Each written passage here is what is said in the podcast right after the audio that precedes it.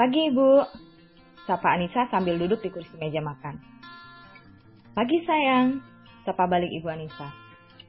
Pagi, Bunda. Pagi, Nenek. Sapa anak perempuan yang sudah siap dengan seragam sekolah dan tasnya. Pagi, sayang. Jawab serempak mereka. Bunda, hari ini ada pentas seni di sekolah. Datang kan? Tanya Ashifa, putri Anissa. Anak dari Anissa sekarang umurnya 9 tahun. Dia kelas 3 SD.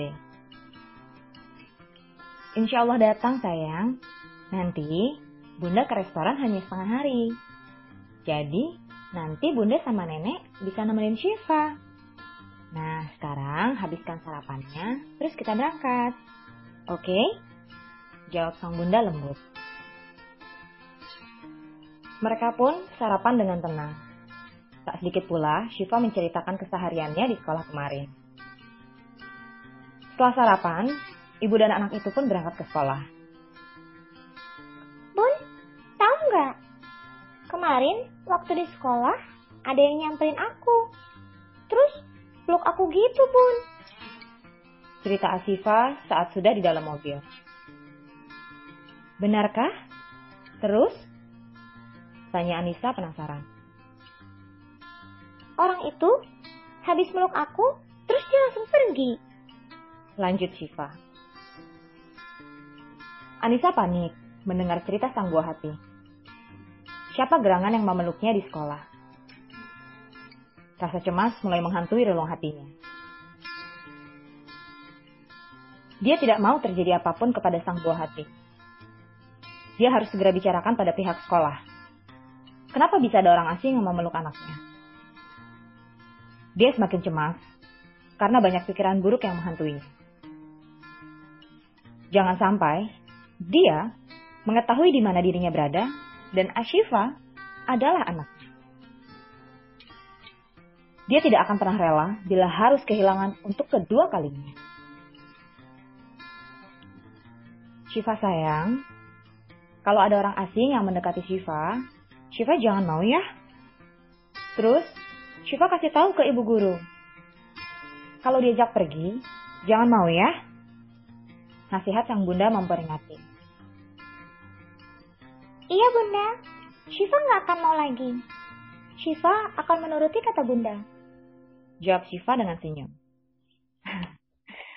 Anak pintar. Anissa tersenyum dan mengelus sayang kepala anaknya. Dia beruntung bisa memiliki anak secerdas Shiva. Dirinya merasa hidupnya penuh kebahagiaan setelah badai yang dulu menyerangnya. Setelah sampai sekolah sang anak, dia memarkirkan mobilnya dan ikut masuk ke dalam untuk mengantar anaknya serta memberitahu kepada pihak sekolah. Setelah Siva masuk ke dalam kelas, dia melangkahkan kakinya ke ruang guru. Masuk, jawab seseorang dari dalam. Assalamualaikum, Bu. Boleh meminta waktunya sebentar? Ucap Anissa setelah masuk ke dalam dan dipersilahkan duduk. Waalaikumsalam. Iya, Ibu Anissa. Ada apa? Tanya kepala sekolah. Begini, Bu. Tadi pas jalan ke sini, putri saya mengatakan bahwa ada seseorang yang menemuinya setelah pulang sekolah, Bu. Apakah ibu tahu siapa dia? Tanya Anissa. Loh, saya kira sudah mendapat izin dari ibu. Karena dia mengatakan saudara dari ibu. Beliau juga menunjukkan foto beliau bersama ibu. Maka dari itu saya mengizinkannya, Bu. Tapi masih dalam pengawasan kami kok, Bu. Terang kepala sekolah. Penjelasan kepala sekolah membuat Anissa bertambah panik. Namun dia tidak menampakkan kepanikannya. Anissa memang orang yang pandai dalam menyembunyikan perasaannya. Kalau begitu, saya mohon dengan sangat. Setelah ini, jangan biarkan siapa pun boleh menemui putri saya ya, Bu. Kecuali saya dan neneknya. Saya tidak mau putri saya kenapa-napa. Jelas Anissa dengan penekanan. Baik, Bu. Saya akan jalankan amanat Ibu. Dan atas kejadian kemarin, saya meminta maaf karena membuat ibu tidak nyaman. Ujar kepala sekolah dengan sedikit menundukkan kepala. Baiklah, Bu. Saya permisi dulu. Mohon kerjasamanya ya, Bu. Ucap Anissa sebelum berdiri. Baik, Bu. Sekali lagi, saya minta maaf. Ucap kepala sekolah dengan menjabat tangan Anissa. Setelah pertemuannya dengan kepala sekolah, dia melangkah ke parkiran untuk melanjutkan ke restoran miliknya yang tidak terlalu jauh dari sekolah putrinya. Dia mendirikan restoran yang dekat dengan sekolah putrinya supaya tidak terlalu jauh bila akan mengantar ataupun menjemputnya.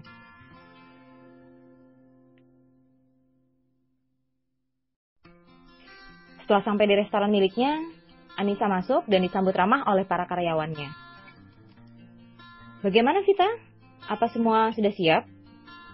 Tanya Anissa kepada karyawannya dengan terus berjalan ke dapur. Vita adalah orang kepercayaan Anissa yang ditugaskan untuk menghandle restoran selagi tak ada dirinya. Dia sudah bekerja saat restorannya baru mulai berkembang.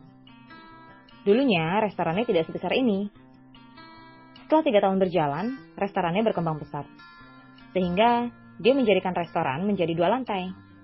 Bahkan sudah membuka dua cabang, di kota Bandung dan Bali. Semua sudah siap, Bu. Hanya tinggal ibu mengeceknya saja jelas karyawannya. Oke, nanti setelah saya cek, langsung dikirimkan pada alamat ini ya. Perintah Anissa dengan menyerahkan selembar kertas berisi alamat sang pemesan. Baik Bu, segera saya laksanakan, ucap Vita sebelum meninggalkan bosnya. Anissa masuk ke dalam ruangannya untuk membaca laporan keuangan dan mengecek semua apa yang diperlukan oleh restorannya. Restoran di sini dirinya lah yang menghandle semuanya. Dari urusan dapur sampai hal catering. Sedang restoran cabangnya dihandle oleh sahabat dan orang-orang kepercayaannya. Hari mulai siang dan dia melihat jam tangannya. Sudah jam 11. Sebentar lagi acara pentas seninya Shiva. Lebih baik aku beberes dulu. Gumam Anissa. Setelah membereskan berkas-berkasnya, dia melangkah keluar ruangan.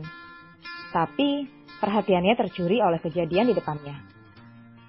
Dia melihat adegan di depan matanya itu dengan mengerutkan keningnya. Ada saja kelakuan orang pacaran. Gumamnya sambil melangkah ke pegawai yang hanya menontonnya dari kejauhan tanpa berniat untuk membereskan kejadian itu. Anissa melangkah ke pegawai itu dan menepuk bahunya. Ada masalah apa? Tanya Anissa pada Vita setelah dia menengok ke arah bosnya. Eh, ibu. Maaf, bu. Itu Pak Zidan yang sedang berkencan dengan wanita yang sedang dijodohkan dengannya. Dia memohon untuk tidak ikut campur dengan urusannya, Bu. Jelas Vita. Tapi, tapi dia bertanggung jawab kok, Bu. Dia selalu mengganti rugi segala sesuatunya. Dia dipaksa untuk berkencan oleh ibunya, Bu. Tapi dianya nggak mau. Akhirnya ya kayak begini. Lanjut kita tak enak. Tapi kan ini hampir masuk jam makan siang. Bisa mengganggu pelanggan yang lain. Ucap Anissa dengan mengeringitkan dahinya. Maaf, Bu. Ini salah saya. Sesal Vita. Tapi biasanya kan malam. Kenapa hari ini siang ya? Ucap Vita lirih namun masih terdengar oleh Anissa. Biasanya. Jadi sudah sering dong. Ucap Anissa semakin gemas. Eh, itu itu itu sudah hampir sebulan ini, Bu. Jawab Vita takut-takut. Nggak bisa dibiarkan ini. Saya harus menegurnya. Ucap Anissa dengan melangkah ke tempat kejadian. Bu. Bu. Aduh, gimana ini? Bisa nak pecat ini. Gumam Vita sambil menggigit kuku jarinya. Jangan lupa klik like dan komennya. Terima kasih atas keikhlasan kalian.